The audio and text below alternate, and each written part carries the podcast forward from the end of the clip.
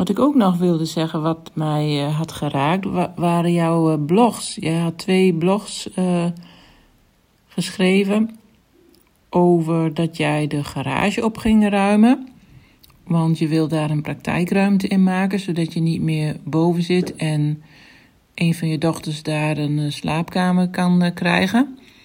En dat je in eerste instantie um, ja, dingen tegenkwam waardoor je weer bij herinneringen uitkwam um, van Alvin. En dat het toen eventjes niet meer ging en dat je even gestopt bent.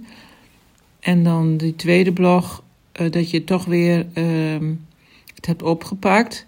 En dat je met die grote boodschappentas vol met uh, medicijnen bij de apotheek was en hoe surrealistisch dat was. En um, ja, ik weet niet precies wat dat raakte, maar gewoon, ja, gewoon de menselijkheid ervan, gewoon, ja, dat. De menselijkheid van het, van wat je tegen kan komen in het leven en wat zeer kan doen of wat even een, iets moeilijk, moeilijks is of een hobbel is.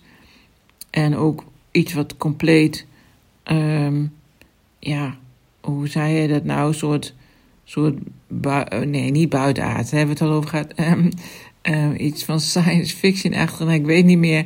Maar dat het gewoon zo vreemd is uh, dat iemand zoveel medicijnen moet. En uh, ja, dat er niks natuurlijks meer aan is, zeg maar. Ja, zo, zo, zo vreemd zit de wereld soms in, in elkaar, zo ver van onze essentie af, zeg maar. Misschien was dat het.